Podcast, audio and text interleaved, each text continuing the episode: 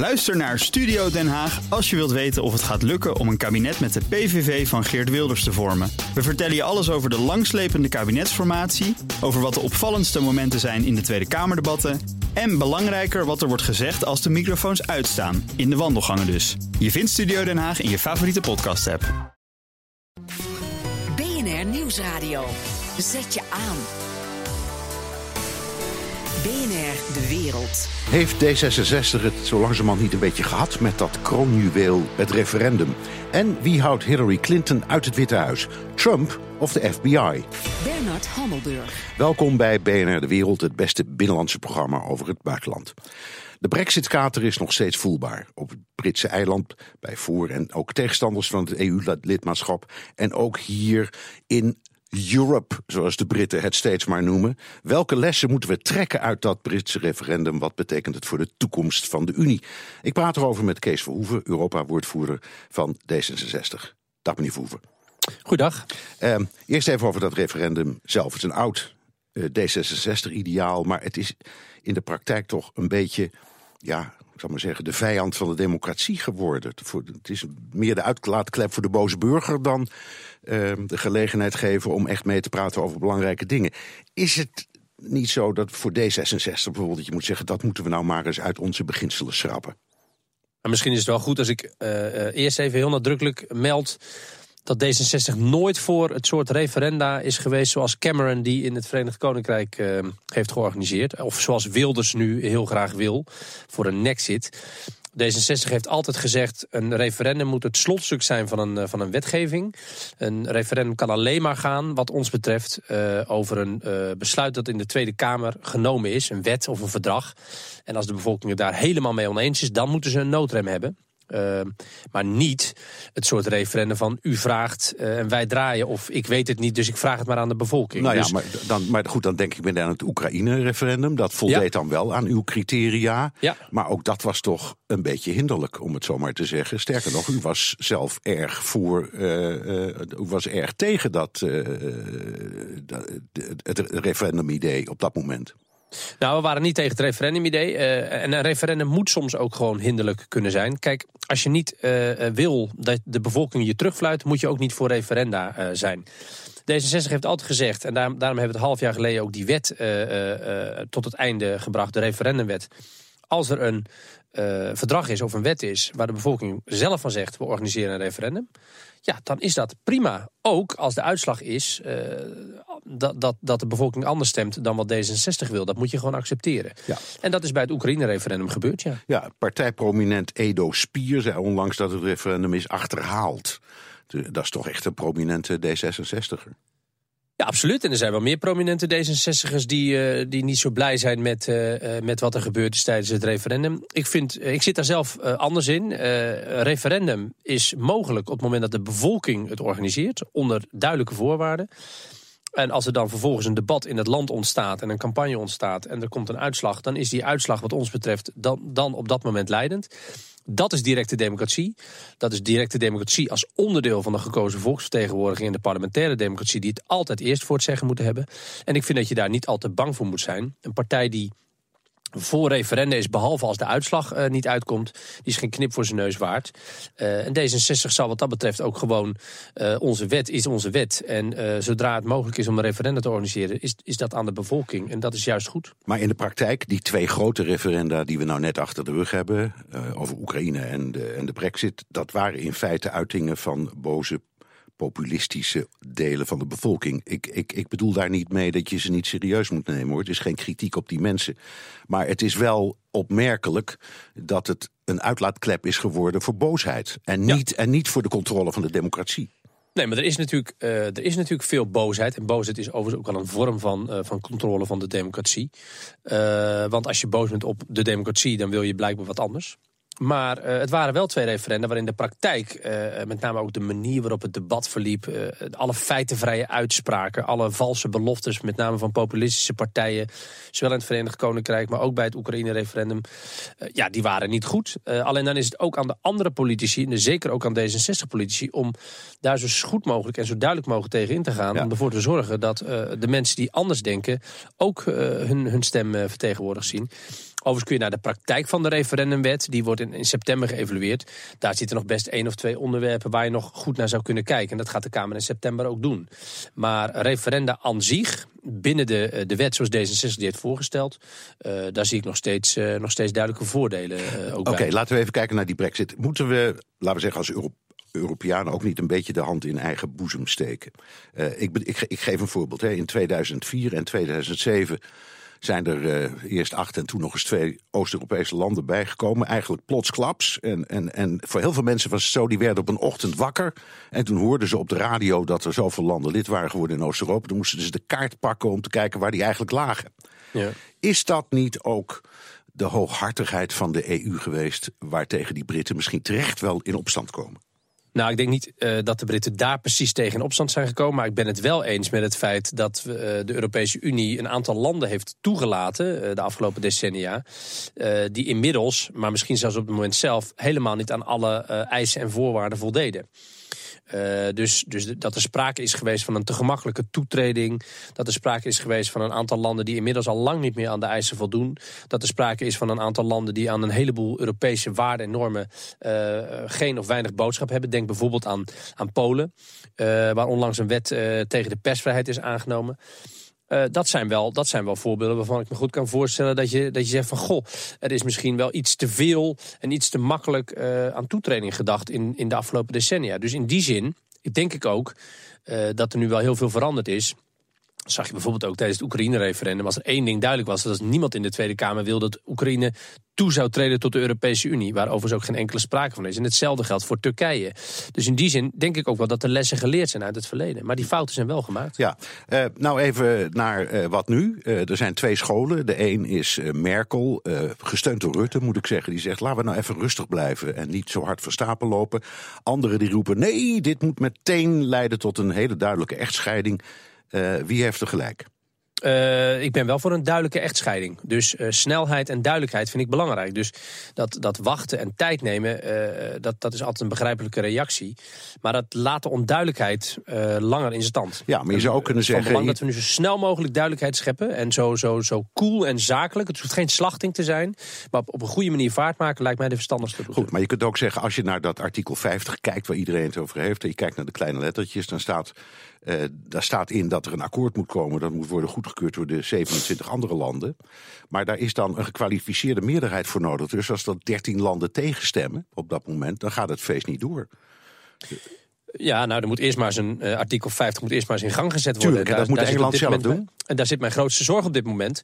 Uh, ik denk dat Engeland voorlopig in ieder geval heeft Cameron aangegeven... ik ga het niet zelf doen. Zijn opvolger uh, zal dat moeten doen. Nou, zijn opvolging wordt een, een bloedige strijd, denk ik, bij de, bij de conservatieve partij. Dus voordat er een opvolger is, zijn we zeker een paar maanden verder. En dan moet hij nog maar eens gaan besluiten wanneer hij het goede moment of zij omdat, het goede moment ziet worden aangebroken. Omdat artikel 5 die brief te, ja, om die brief te schrijven. Maar, maar dan nog, inhoudelijk als je ja. naar dat artikel 50 kijkt, dan zou je het zo kunnen lezen dat als er 13 landen uh, van de EU zeggen: nee, we zijn het niet eens, dan, dan, dan wordt dat verdrag afgekeurd. Dus dan, dan dat, is, dat is een rem, zeggen we, we laten hier gewoon niet gaan. Nou ja, dat is, dat is voer voor juristen, want dit is nog nooit eerder plaatsgevonden. Uh, maar die lezing is er zeker een uh, uh, die, die tot de mogelijkheden zou kunnen behoren. Ik, ik kan dat niet helemaal overzien. maar er zijn inderdaad natuurlijk allerlei mogelijke manieren om dat artikel uit te leggen. Omdat het nog nooit in de praktijk is gebracht. En, en dan een maar tweede, feit is, ja, een tweede, feit is ja? uh, ze willen eruit. Dat heeft, dat heeft het referendum uitgewezen. Dus de hoofdlijn moet zijn, dan moeten ze gewoon aangeven dat ze eruit gaan. En dan moeten ze gewoon Jawel, over een manier waarop dat gebeurt. En dat ook, moet binnen twee jaar klaar, hè, want anders dan worden ze er gewoon uitgezet. Dat, dat staat ook in artikel 50. Maar je kan ook zeggen, ze hebben spijt. Dat blijkt uit alles. Dus als nou het lagerhuis bijvoorbeeld zegt, nou ja, het was een raadgevend referendum. We accepteren de uitslag niet. Klaar. Is ook, uh, dat, zal, dat zal dan eerst in Groot-Brittannië tot een hele, hele, hele heftige discussie leiden. Hè? Dat, dat je dus zegt, we hebben een, een brexit-uitslag met een meerderheid die, die eruit wil. En dat je vervolgens als, als politiek of een maatschappij een paar maanden later besluit... we hebben spijt, we doen het toch maar niet. Als dat het signaal is van de Britten... denk ik dat Europa zich wel even achter de oren zou krabben. Zover is het dus nog niet. Uh, maar dat zal met name zelf, in eerste instantie in Groot-Brittannië... tot grote, grote, grote boosheid leiden tot alle mensen... die natuurlijk nog steeds voorstander zijn van die brexit. Laten we, laten we nou ook niet doen alsof alsof iedereen spijt heeft. Het is natuurlijk gewoon een heel verdeeld land. Dus het wordt een hele lastige situatie als bijvoorbeeld het Lagerhuis dit zou tegenhouden. Maar het behoort wel tot de mogelijkheden natuurlijk. Ja. Naarmate de tijd verstrijkt moet je maar zien of die artikel 50 brief er nog komt. En misschien zijn er ook wel krachten die hem willen tegenhouden. Zo dadelijk. Gaat nu eindelijk de bezem door de EU of blijft toch alles bij het Brusselse oude? BNR Nieuwsradio. Zet je aan. BNR De Wereld.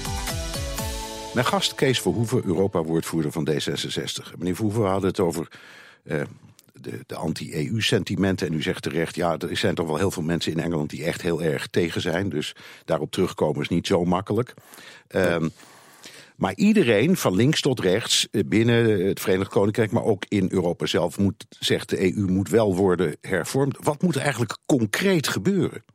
Nou, volgens mij is dat de hamvraag. Uh, even afgezien van, het, van alle gevolgen voor het Verenigd Koninkrijk. Ik denk dat je op uh, kort gezegd moet je naar een daadkrachtiger en democratischer Europa. En wat betekent dat concreet? Daadkrachtiger betekent voor mij dat Europa zich met de, grote grensoverschrijdende onderwerpen, terrorisme, vluchtelingen, klimaat en energie, een stabiele euro, dat dat echt moet, moet, moet leiden tot herkenbare resultaten voor mensen. En dat betekent wat D66 betreft ook dat je een aantal bevoegdheden van lidstaten dan ook moet durven overdragen naar het Europese niveau. Ja, maar dat is wat, wat uh, uw fractievoorzitter Alexander Pechtold ook zei. Hè. Dat zijn ook de ja. onderwerpen die die noemen. Ik begrijp ja. dat. Je zegt ik grendel het af tot maar een paar hoofdthema's. Nou, dat zijn wel de zware grote hoofdthema's van deze tijd. Hè? Ja. Maar dan nog, het uitgangspunt is, je moet dat durven overhevelen. Terwijl nu de trend in heel ja. veel landen is: nee, we willen niet ja. overhevelen. We willen onze soevereiniteit behouden, ja. maar dan willen we best lid zijn van zo'n verbond. Ja, nee, klopt. Uh, D66 zegt: als je uh, op een aantal punten de samenwerking tot een succes wil maken, moet je niet krampachtig vasthouden aan nationalistische reflexen en schijnsoevereiniteit. Dan moet je op de grote onderwerpen die duidelijk over de landen heen gaan, uh, qua, qua landsgren, landsgrenzen en, en, en, en andere uh, beperkingen, moet je gewoon durven zeggen: we laten uh, de nationalistische inlichtingendiensten, die verplichten we om hun gegevens uit te wisselen. De gezamenlijke buitengrenzen van Europa gaan we als Europese Commissie beschermen. het inkopen van energie, dat doen we samen. Als je dat niet durft te zeggen, dan wordt dat samenwerken op die thema's wordt nooit wat. Maar natuurlijk hebben wij ook heel heel goed door dat er in heel veel landen een gevoel is van uh, we willen ook soevereiniteit en, en zelfstandigheid houden. En die vind ik ook terecht als het gaat om de nationale onderwerpen. Woningmarkt, uh, onderwijs, zorg. Uh, daar moet Europa zich ook gewoon niet mee bemoeien. Zodat ook duidelijk is dat dat ook echt iets is wat aan de landen is. Ja, maar wat, wat, wat in Groot-Brittannië dat gebeurt nu te weinig. Hè? Ja. Dat loopt nu te veel allemaal door elkaar. Europa bemoeit zich nu ook met dingen die de landen zelf zouden moeten doen. En dat kan best wel wat minder. Wat in Engeland een enorme rol heeft gespeeld is de immigratie. Tweede taal in Engeland en Wales is niet Arabisch of Urdu, maar Pools. Ja. Dat is misschien wat de motor is geweest achter die, dat gevoel van ongenoegen. Maar dat ja. speelt ook in een heleboel andere landen. Dus moet Zeker. je ook niet durven zeggen, ja, dat principe van volledig vrij verkeer uh, van in dit geval voornamelijk goedkope arbeidskrachten, daar moeten we toch ook allemaal wat aan willen doen. Nou, dat was ook een van de onderdelen van het pakket wat de Engelsen uh, met, met Tusk hadden, hadden afgesproken. Uh, ja, die handrem. Wat, ja, dat was de, de, dus de inzet van Cameron was uh, die vier punten, waar één van de punten was inderdaad het, het immigratie- en het vrij verkeer probleem. Nou ja, dan, toen heeft de Europese Commissie gezegd... dan moeten we ook kijken of we dat op een andere manier breder kunnen gaan benutten. Nou, zover is het dus nooit gekomen door die brexit-stem. Uh, want nu is de deal dus gewoon van tafel. Ik vind het vrij verkeer een heel groot goed. Uh, laat, dat, laat ik dat vooropstellen. Ik denk dat het economisch zeer belangrijk is... dat vrachtwagens niet bij de grens stilstaan. Uh, dat je niet voortdurend je paspoort overal moet laten zien. Dat is nee, een grote het, waarde. Nee, maar het gaat hier om... Maar inderdaad, er zijn, veel, er zijn meer mensen baantjes, ontevreden over. Het gaat ja. om het pikken van baantjes. Ja, maar dat is het pikken van baantjes. Dat komt niet alleen maar doordat mensen uit Polen naar Nederland komen om een baan uh, uh, te krijgen. Dat komt omdat ze naar Nederland komen en ook zeg maar, zich onttrekken aan allerlei uh, afspraken die we gemaakt hebben. Uh, waar je wel wat aan kan doen zonder het vrij verkeer in te perken. Nee, dat is nu ook de inzet van het kabinet natuurlijk. Ik begrijp het en minister Ascher praat er ook regelmatig over. Dus we weten dat ja. het wel op de agenda staat. Maar het is niet zo simpel. Dat brengt me op een andere kwestie. U, u noemt een aantal hele concrete zaken en ook belangrijke ja. zaken. In hoeverre kunnen we dat hervormen? Want kijk eens naar die EU 28, nou binnenkort 27 eurocommissarissen. Een parlement dat groter is dan het Amerikaanse Huis van Afgevaardigden en de Senaat bij elkaar opgeteld. Uh, een een, uh, een parlement dat over twee steden is verdeeld. Al die dingen willen ze maar niet af. Dat willen ze niet veranderen. Klopt. Hoe kun je dan komen aan zulke verfijning als waar u het over hebt? Nou, dat is, dat is, de, dat is deel 2 van mijn, uh, van mijn uh, oplossing. Uh, naast daadkrachtiger op de hoofdlijnen moet je het ook democratischer maken. En dat betekent wat mij betreft een aantal zaken. stoppen met Straatsburg, daar ben ik sowieso heel erg voor. Daar is iedereen voor. Er is geen partij, er is niemand, behalve de Fransen, die vinden dat we nog steeds twee vergadersteden moeten hebben. De commissie, allemaal een eurocommissaris met allemaal versnipperde portefeuilles. 28 eurocommissarissen, 27 nu eventjes. Dat is ook veel te veel, dus maak die, die commissie kleiner. Maak het Europese parlement sterker. Want dan heb je gewoon een sterker controlerend orgaan. En dat is hard nodig. Geeft ook dat gevoel van controle wat meer terug aan de mensen. Maar ja, dat zijn wel stappen uh, waar je dan echt nu uh, aan moet beginnen. En ik vind een mooi voorbeeld. Frankrijk wil heel graag die Europese Unie succesvol laten zijn.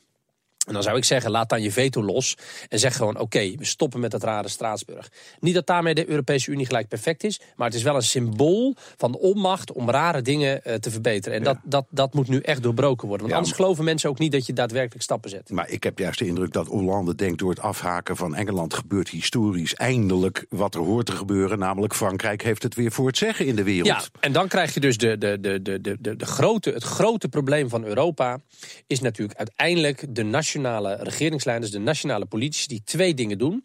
Ze claimen alle successen uit Europa als hun eigen succes. Uh, ze wijzen naar Brussel op het moment dat het, uh, dat het slecht gaat. En ze zijn te veel in hun eigen nationale belang aan het denken. Ja, dat mag altijd, maar niet voortdurend. Dus je moet soms, moet Hollande in plaats van zeggen... dit is goed voor de positie van Frankrijk... moet Hollande zeggen, laat de positie van Frankrijk geborgd worden... door de Europese Unie. En laat ik daar dan ook een bijdrage aan ja, leveren. Maar uh, het betekent uh, dat die nationale regeringen wat moeten doen... maar het betekent ook dat een instituut als Brussel... als ik het allemaal even zo mag noemen... een mm. deel van zichzelf moet gaan opheffen. Dat is in de wereldgeschiedenis nog nooit gebeurd. Dat een politiek gremium bereid is zichzelf gedeeltelijk op te heffen. Ziet u dat nou echt gebeuren? Uh, opheffen is ook niet. Ik bedoel, de SP die, die wil de Europese Commissie nee, opheffen. Maar dat, nee, dat bedoel ik niet. Maar u zegt verkleining van de, van de, de commissie. Ja, uh, nee, absoluut. Dat zal, dat zal inderdaad niet makkelijk zijn. Maar uh, uh, je kunt niet uh, vasthouden aan de symbolische... we hebben allemaal een eurocommissaris. dat wordt inderdaad een zware strijd. Maar waarom zou het niet kunnen? Als er nu een moment is, als er een moment is wanneer de druk groot is... als er een moment is wanneer echt het water aan de lippen staat... als er een moment is dat je echt alles op alles moet zetten om de voordelen van de Europese Unie beter zichtbaar te maken. Ja, dan is het nu. Dus ik hoop toch dat alle mensen, uh, maar vooral ook de regeringsleiders... maar ook de Europese Commissie en het Europese Parlement... nu allemaal de hand in eigen boezem steken en kijken wat er beter kan. Uh, want als we doorgaan op dezelfde voet... Uh, dan, zal het, dan zal de tevredenheid over Europa niet, uh, er niet komen. En dan zal, ja, dan zal de succes, het succes en de potentie van, van het oplossen van de problemen voor mensen op de grote onderwerpen ook niet beter gaan. Frans Timmermans, eurocommissaris, zei afgelopen winter dat hij niet zeker wist of de EU het zou gaan redden. Zou die wel eens gelijk kunnen krijgen? Ja, ik ben toch, ik ben toch ook wel iets optimistischer. Ik zie heus wel dat er ontevredenheid is, maar die ontevredenheid is er ook in de Verenigde Staten. In de Verenigde Staten hebben ze helemaal niks met de EU uh, te maken. Maar daar is natuurlijk ook precies hetzelfde populisme en dezelfde on onvrede is ook daar. En dat heeft te maken met een wereld die heel snel verandert. En de wereld is zo snel aan het veranderen dat heel veel mensen geen grip meer op het leven hebben. En die mensen wijzen in Europa dan naar de Europese Unie. Dat is dan de, de, de grote vijand. Maar uiteindelijk is de vijand natuurlijk gewoon onzekerheid en angst over je toekomst. En die is ook heel terecht. Daar moet wat aan gebeuren. Niet alleen in Europa, maar ook in de Verenigde Staten. Daar ligt denk ik de echte uitdaging. En dat zijn dus de grote problemen. Uh, en als je de grote problemen op kan lossen... als je mensen ook weer wat meer laat, laat mee profiteren van verandering... dan komt de tevredenheid langzaam terug. En dat is volgens mij de grote opdracht. Het wegnemen van die onzekerheid bij heel veel mensen. En dat is niet, de oplossing is niet de Europese Unie uh, de hele tijd maar uh, blijven bashen. En doen alsof nationale lidstaten zelf wel het vluchtelingenprobleem... de kredietcrisis en, en de terreuraanslagen kunnen, kunnen voorkomen. Dank. Kees Verhoeven, Europa-woordvoerder van D66. De Hillary en Donald Show.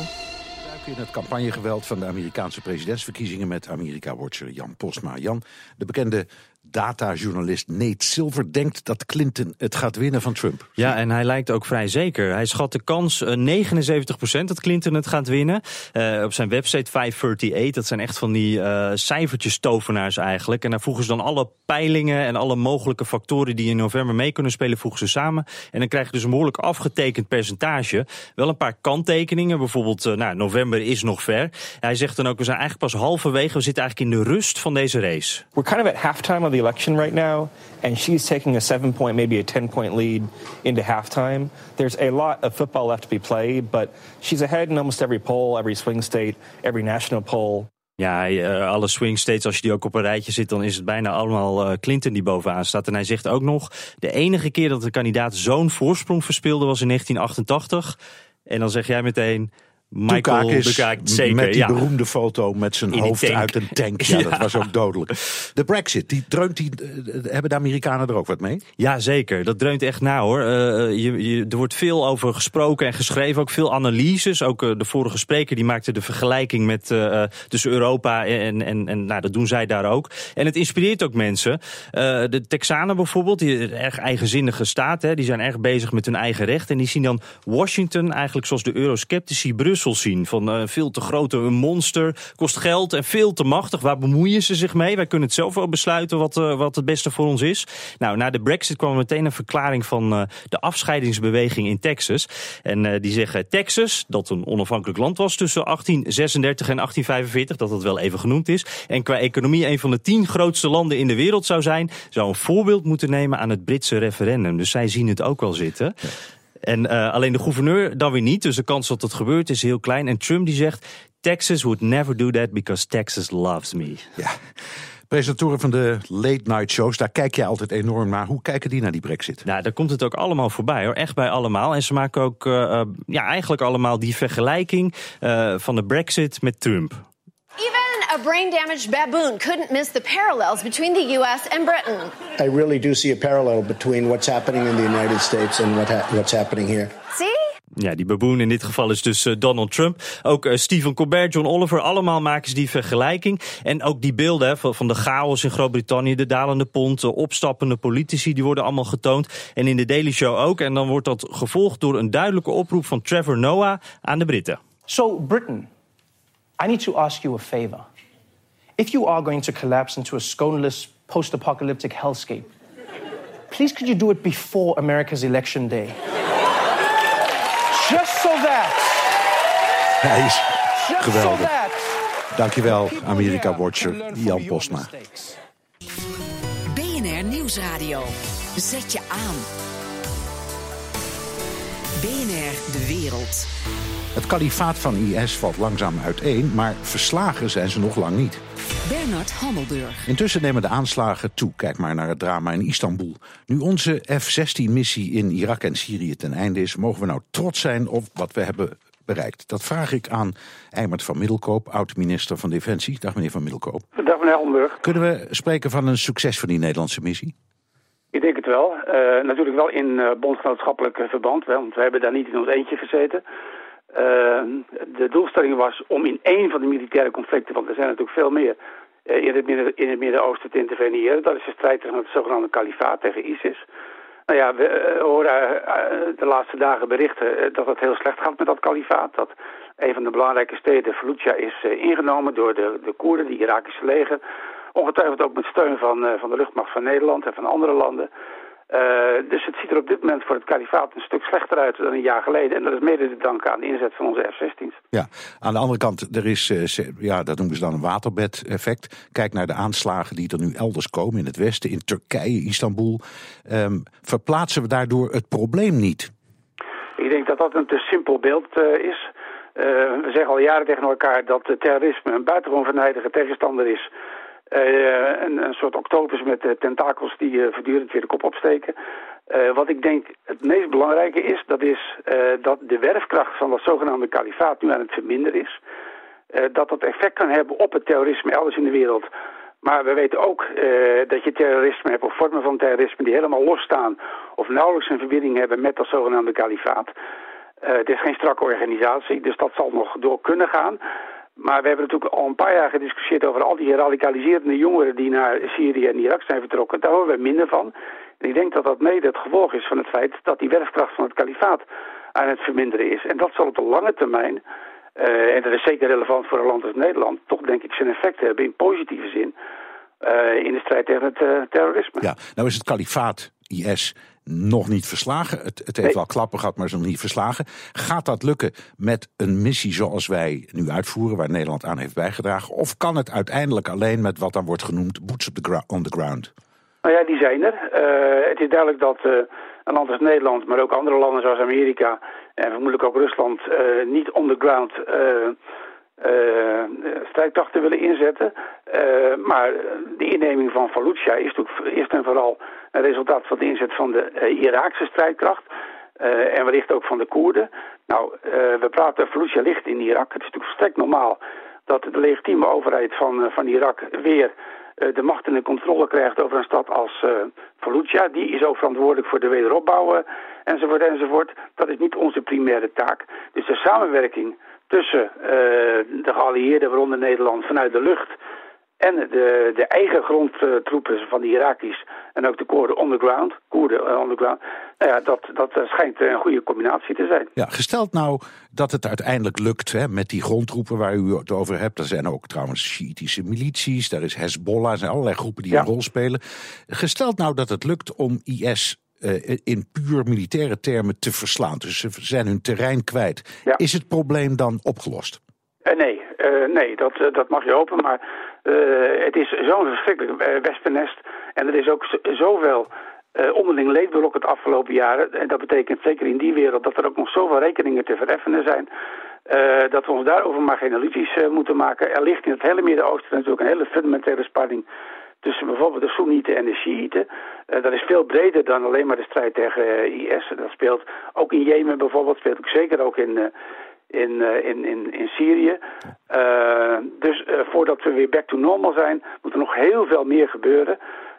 maar dit is een belangrijke stap. ook een stap die in ons eigen belang is. Laten we daar geen misverstand over bestaan. wij zijn niet zozeer uh, kwetsbaar op het punt van de Soenitische Shiïtische tegenstellingen, maar wel op het punt van een kalifaat dat terrorisme uh, all over de wereld uh, steunt. En dat is toch ook iets wat een motief is geweest destijds van onze regering. Dank, Eimert van Middelkoop, oud-minister van Defensie. BNR De Wereld. Blik op Europa. En Brexit, een Oekraïne-referendum, ruzie met Turkije, het Nederlandse voorzitterschap van de Europese Unie was een roerige periode.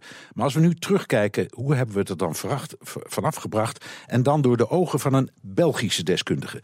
Steven van Hekken, hoogleraar vergelijkende en Europese politiek aan de Katholieke Universiteit. Welkom. Goedemiddag. Ja. Was Nederland een goede leider, meneer Van Hekken? Ik denk het wel redelijk. Uh, niet met uh, grote onderscheiding, denk ik. Uh, maar de Nederlanders hebben zich wel uit de slag getrokken, denk ik. Heel veel van het uh, huidige systeem van het voorzitterschap speelt zich af onder de waterlijn en is toch een uh, intern Brusselse aangelegenheid. Een heel belangrijke trouwens. Hè, want het zijn de Nederlandse ministers op buitenlandse zaken na en op de Europese Raad na die alle raadsformaties voorzitten. Het zijn de ambtenaren en diplomaten van Nederland die alle werkgroepen, alle commissies leiden binnen die grote machinerie van de Europese Unie. En dat is uiteraard belangrijk. Dat moet ook door hen voorbereid worden uh, goed en geleid en dan opgevolgd. Maar dat is natuurlijk niet iets waar de gewone burger van wakker ligt. Laat staan uh, waar we van op de hoogte gebracht worden. Veel meer in de schijnwerpers staan natuurlijk de publieke activiteiten. Ik heb de indruk dat de Nederlandse voorzitterschap wel wat inspanningen ook heeft gedaan. Zowel om zich in Brussel kenbaar te maken als ook uh, Europa dichter bij de burgers te brengen in het thuisland Nederland. Ja, een van de grote momenten onder het voorzitterschap was de Turkije-deal. Kunnen we dat als succes op het Nederlandse cv zetten?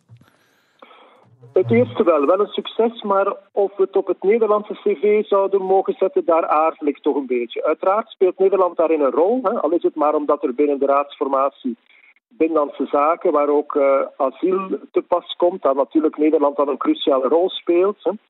Uh, op het niveau van de Europese Raad, staats- of regeringsleiders, wordt er dan toch meer naar Mark Rutte gekeken dan anders. Maar als we de chronologie van de voorbije maanden erop nagaan, dan was het uiteindelijk toch wel Merkel die eerst met Erdogan in Turkije een deal heeft gemaakt, die dan nadien door de anderen als het ware geacteerd is geworden. Juncker en Tusk. En uh, om het niet te veel te doen blinken, heeft men dan toch ook Mark Rutte erbij gehaald. Dus hij was er wel onmiddellijk bij, maar toch niet echt wanneer de, hoge, wanneer de belangrijke politieke knopen worden doorgaat. Nu, ja. dat is ook ergens logisch, want dat is niet meer de taak van de voorzitter van de Europese Raad sinds de inwerkingtreding van het verdrag van Lissabon. We hebben daar nu een fulltime voorzitter voor Donald Tusk. En uiteraard is er ook nog altijd de Europese Commissie. Hoe wordt er vanuit uh, België naar de EU gekeken en naar ons? Um, met stijgende verbazing, dat is al een tijdje bezig. We kijken toch um, een beetje raar op van het, toch het toenemend euroscepticisme, dat toch al vanuit ons standpunt Nederland al een hele tijd in zijn greep heeft. Dat is wel de belangrijkste uh, middellange termijn ontwikkeling. Uh, anderzijds natuurlijk weten we natuurlijk ook wel dat uh, Frans Timmermans ondertussen een bekende figuur is, uiteraard ook de voorzitter van de Eurogroep, Jeroen Dijsselbloem. Maar ik zou toch geen enquête organiseren in Vlaanderen of België wie de minister van Buitenlandse Zaken van Nederland is, alhoewel hij eigenlijk de voorzitter dan was van het Nederlandse voorzitterschap. Mark Rutte is ook bekend, ook omwille van zijn Europese rol die hij speelt. Maar dikwijls ook hè, in veel contrast met de houding die België neemt, omdat België toch nog altijd een klassieke, brave, pro-Europese leerling is als het op Europese integratie aankomt. En nog even één dingetje, dat, dat Oekraïne-referendum, hoe is dat in België gevallen? Ja, dat ligt een beetje in de lijn van wat ik daarnet zei, toch een beetje met stijgende verbazing en toch ook wat ongeloof dat de Nederlanders er toch in slagen om dat tijdens hun eigen voorzitterschap uh, te doen mislukken. De timing zit al niet goed en het feit dat dan net de opkomstrempel wordt gehaald, maar dat dan tegelijk betekent dat het een negatieve uitslag is, uh, dat heeft toch hier wat wenkbrauwenfrons opgeleverd. Ja. Dat betekent toch dat de Nederlandse regering toch de volledige regie over het voorzitterschap niet volledig heeft gehad. Maar anderzijds dat het dan het Oekraïne-verdrag werd verworpen, dat was dan weer minder een, een, een verrassing.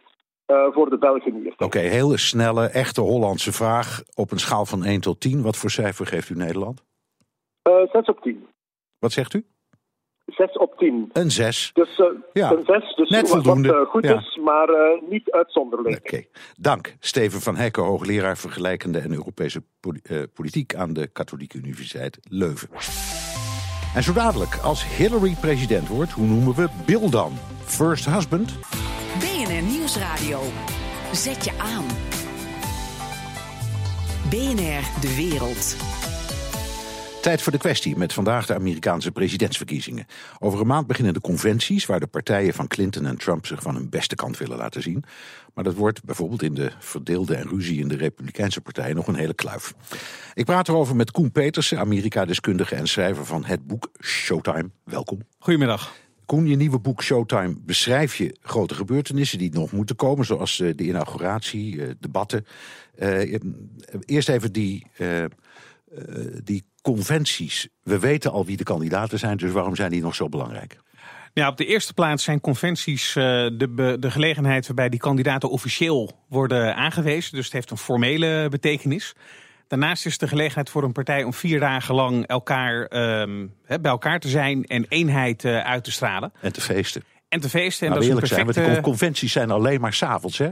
Dat weet je. Overdag zitten ze in het café en dan, uh, nou ja. Ja, klopt. Vroeger werden de belangrijkste gebeurtenissen in de middag gehouden, want dan konden de kranten ze de volgende dag nog uh, verslaan. Maar met de opkomst van de massamedia zijn de belangrijkste punten naar de avond uh, verplaatst. Het is een perfecte gelegenheid voor een partij om voor een miljoenen publiek te laten zien hoe aantrekkelijk ze zijn. Ja, nou uh, is de conventie normaal een mooi weershow met ballonnetjes en confetti, ga zo maar door. Maar dat bij de Republikeinen ziet het daar niet naar uit. Ik noem een paar dingen. Hè. De beide Bush-presidenten hebben afgehaakt. Mitt Romney komt niet, John Kasich komt niet. Hele trits andere prominenten die niet komen. Lijkt me toch niet zo'n leuk feestje te worden. Ja, het is uh, niet alleen wat er wel gebeurt, maar ook wat er niet gebeurt. En de afwezigen laten inderdaad zien dat er een uh, verdeeldheid is in de partij over Trump. Het is een controversiële kandidaat. Tegelijkertijd is hij wel de kandidaat die door de achterban op het schild is uh, gehezen. En je ziet dat het grootste deel van de partij zich toch wel achter zijn kandidatuur schaart. Maar zij het een beetje met tegenzin. Ja, knarse tanden misschien. er zijn heel veel mensen die verklaren de partij al zo'n beetje dood. Uh, dat is vaker gebeurd. Uh, Barry Goldwater tegen Lyndon Johnson. Gold, Goldwater werd verpletterd. En toen riep iedereen: uh, einde van de partij was helemaal niet waar. denk je dat, dat, dat die eensgezind, eensgezindheid, waar je het net ook al over had, dat dan toch wel komt bij Trump? Ik denk dat die eensgezindheid er wel komt omdat de partij eensgezind is in de afkeer van Hillary Clinton. Dus in dat opzicht is zij een perfect middel om die partij weer te verenigen. Ik denk wel onder Trump, die niet een standaardkandidaat is, dat de partij kan veranderen. En dat zou ook erg van de uitslag afhangen of hij wint of niet. Ja. Wie wordt zijn vicepresidentskandidaat? Ja, er wordt nog een beetje met uh, argusoog naar uh, gekeken. Meestal is de vraag wie wordt gevraagd. Maar nu is de, de vraag eigenlijk wie, wie is bereid ja. om, uh, om het te doen. Je loopt grote politieke risico's. Want het kan een drama worden als Clinton Trump zouden verpletteren. Dus ik denk wel dat het een kandidaat zal zijn die eigenlijk al gepensioneerd politicus is. Iemand als Newt Gingrich bijvoorbeeld, die tien jaar geleden voorzitter was van het Huis van Afgevaardigden. Onder- en toch nog een laatste lease on Ja. life kan krijgen om mogelijk nog het Witte Huis te bereiken. Ja, dus zo iemand zou het kunnen worden. En Hillary, wat, wat, voor, eh, wat voor type heeft, ze- moet zij naast zich hebben als running mate? Ja, eigenlijk wordt gezegd, ze moet vooral iemand hebben met wie zij goed overweg kan. Want eh, als zij werkt met iemand bij wie ze eh, ontspannen kan opereren, dan komt ze ook wat persoonlijker over bij de kiezers. Amerikaanse kiezers wantrouwen Clinton. Tweederde zegt dat ze niet de waarheid spreekt en dat ze eigenlijk niet te vertrouwen is. Dat komt ook door de nogal gefabriceerde optreden. En als met mensen werkt met wie ze meer ontspannen, meer spontaan kan zijn, dan is ze daarbij gebaat. Normaal gesproken laten vicepresidentskandidaten hebben eigenlijk geen invloed op de uitslag van de verkiezingen. Maar dit zou haar wel kunnen helpen een betere kandidaat te zijn. Sanders wordt het niet, dat begrijp ik, dat is, want dat is de grote tegenstander. Maar hij geeft niet op.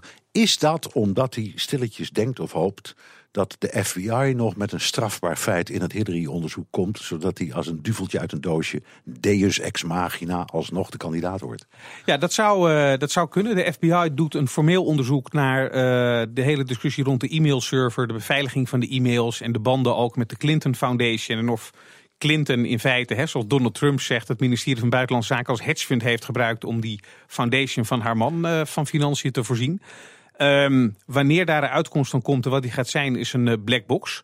Ehm, Sanders kan daarop rekenen. Ik denk eerder dat Sanders nog even de eh, teugel strak houdt om te kijken dat hij zoveel mogelijk invloed heeft op de standpunten die Clinton zal gaan propageren.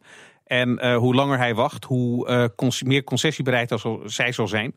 Omdat ze uiteindelijk ook hopen, net als bij de Republikeinen, een show van eenheid neer te kunnen zetten. Nou, schrijf, nou schrijf je ook heel terecht, en dat zeg je ook altijd, bepalend kunnen ook die debatten zijn. Er komen er drie, weten we, en één tussen de vicepresidentskandidaten.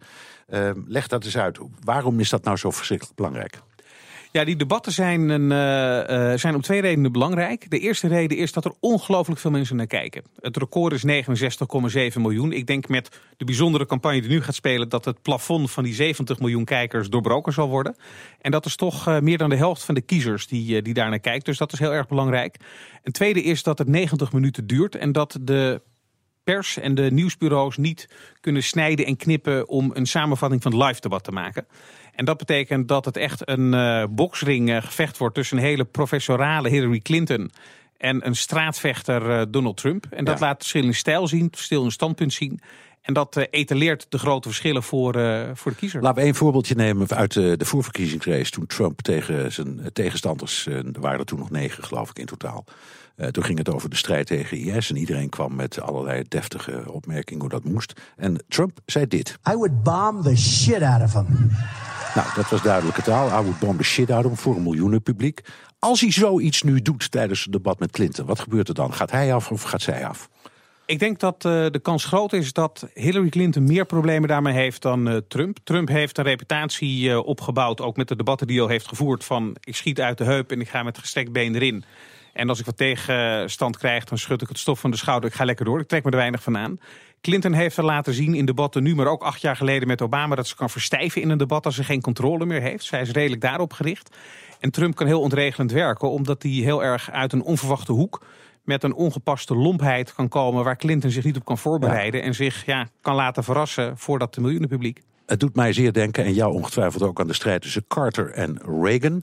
Reagan die had bijna net zo'n, zo'n nou ik zal maar zeggen, omstreden naam als Trump. Het hele volk riep, dat kan niet waar wezen, zo'n B-acteur. En toen kreeg je één debat tussen Carter en eh, Reagan. En Carter kwam toen met een soort college over de noodzaak om de gezondheidszorg te verbeteren. En dat ging dan zo. These are the kind of elements of a national health insurance important to the American people.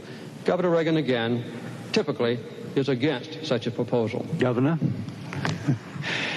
there you go again. Dat ene zinnetje, Koen, here you go again, dat heeft Reagan, naar mijn idee, naar de overwinning geholpen. Kunnen we zoiets ook verwachten in die strijd tussen Hillary en Trump? Ja, dat denk ik eh, wel. Want eh, Clinton is vooral, eh, net als Carter overigens, van de stijl om met dikke beleidsnotities en uitgewerkte voorstellen heel precies aan te geven hoe het land verbeterd kan worden. Trump is van de broad brush, de one-liners. En weet daar wel heel erg goed te verwoorden het gevoel waar de achterban eh, die thuis zit op de bank eh, zich in herkent. En ik denk dat uh, zeker voor een tv-publiek, waar Trump ook als tv-host van het programma The Apprentice, waar hij seizoenenlang ook uh, met one-liners een publiek aan zich heeft gebonden. You're fired! Daar veel beter in zal zijn dan, ja. dan rekening mee wordt gehouden. En ik denk dat hij daarin redelijk wordt onderschat. Ja. Um, een hele belangrijke vraag, Koen. Um, als Hillary nou wint, hè, hoe, noemen, hoe spreken we Bill dan aan? Wat wordt hij? Hij wordt waarschijnlijk first husband, maar je spreekt iemand altijd aan in de hoogste functie die hij die, die ooit heeft gehad. Dus wat zeggen we dan? Ja, de strijd zal gaan tussen first husband, de actuele functie, en Mr. President, uh, de hoogste functie die iemand ooit heeft uh, bekleed. Ik denk dat hij uh, in de omgeving van Hillary Clinton uh, first husband zal worden genoemd. En als hij uh, vrij mag gaan, Mr. President. Ja. Want dat is toch wel maar goed, een beetje dus de icoonstatus die hij voor de Amerikanen samen, heeft. Hè, laten we zeggen, op, op iets officieels. En er is een ceremoniemeester. En zegt hij dan, welcome Madam President en Mr. President? Dat zou, uh, dat zou kunnen. Amerikanen zijn toch altijd een beetje zenuwachtig als iemand die in het Witte Huis heeft gewoond uh, in de buurt is. Ik denk dat uh, het nog interessant zou zijn of Clinton ook in staat zal zijn de aandacht met zijn vrouw te delen. Het is iemand die graag in het centrum van de belangstelling staat en geniet van de enorme populariteit die het nog steeds heeft. Dus het wordt ook in dat opzicht een historic first. Maar Clinton zal eerst de verkiezing moeten winnen en dat is nog zeker geen gelopen race. Het boek heet Showtime. De auteur is Koen Petersen, Amerika-deskundige. Dank voor je komst. It's the economy, stupid. Waar het uiteindelijk in de politiek en in de wereld om draait, is geld. Parlaceur, economiecommentator, waarop houd jij vandaag jouw financiële oog? Ik heb een hoopgevend bericht uit de farmaceutische industrie, Bernard. Want langzaam maar zeker lijken de grote farmaceuten zich toch weer wat te willen wagen op het gebied van de ontwikkeling van nieuwe antibiotica. Nou zijn ze daar rijkelijk laat mee, want je weet ongetwijfeld dat, uh, dat de meeste bacteriën langzaam maar zeker resistent, resistent worden. worden. Ja. En er zijn zelfs een paar superbacteriën die met geen enkel middel meer uh, te bestrijden zijn.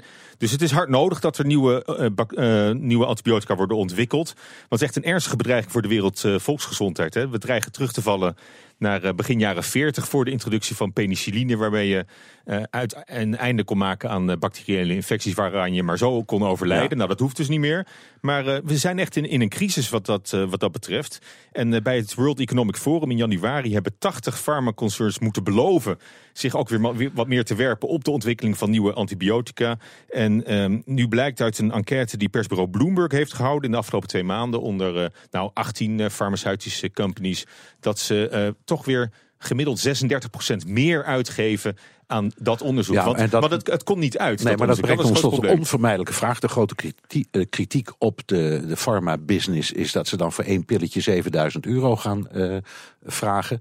Uh, dreigt dat gevaar hier nu ook weer? Dat uh, weet ik niet zeker. Het is wel een belangrijke kentering. En, en waarom? Er zijn ook start-ups die zich op dit terrein werpen, omdat het, omdat het probleem zo acuut is. Maar uh, omdat ze er niet aan, aan verdienen. Uh, het kost wel heel veel om te ontwikkelen. Echt miljarden dollars gaan erin zitten om een nieuw antibioticum te ontwikkelen. Wat in combinatie met andere middelen mogelijk wel werkt tegen resistente bacteriën. Voor andere middelen. Maar het is heel anders dan bijvoorbeeld cholesterolpillen of een diabetesbehandeling. Want dat is iets waar je een, een, een leven lang aan, aan, aan ja, aan moet als ja. uh, patiënt. Terwijl juist voor uh, antibiotica geldt, dat moet zo kort mogelijk worden voorgeschreven. Kuurtje klaar, meteen, meteen weer eraf. Want dat is nou juist Anders het probleem van, resistent. Van, ja. werk je die resistentie weer in de hand. Okay. Dus het is, nou, het, is een, het is een heel voorzichtig een, een kentering de goede kant op. En langzaam maar zeker wordt er, krijgt het de aandacht die het verdient. Want het is wel een groot probleem. Waar we zeker niet resistent tegen raken zijn de commentaartjes van Paula Suur. Dankjewel. En tot zover BNR De Wereld.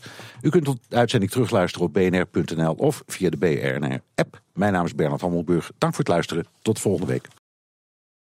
Ook Thomas van Zeil vind je in de BNR-app. Je kunt live naar mij luisteren in Zaken doen. De BNR-app met breaking news, het laatste zakelijke nieuws... en je vindt er alle BNR-podcasts, bijvoorbeeld Het Nieuwe Geld. Download nu de gratis BNR-app en blijf scherp.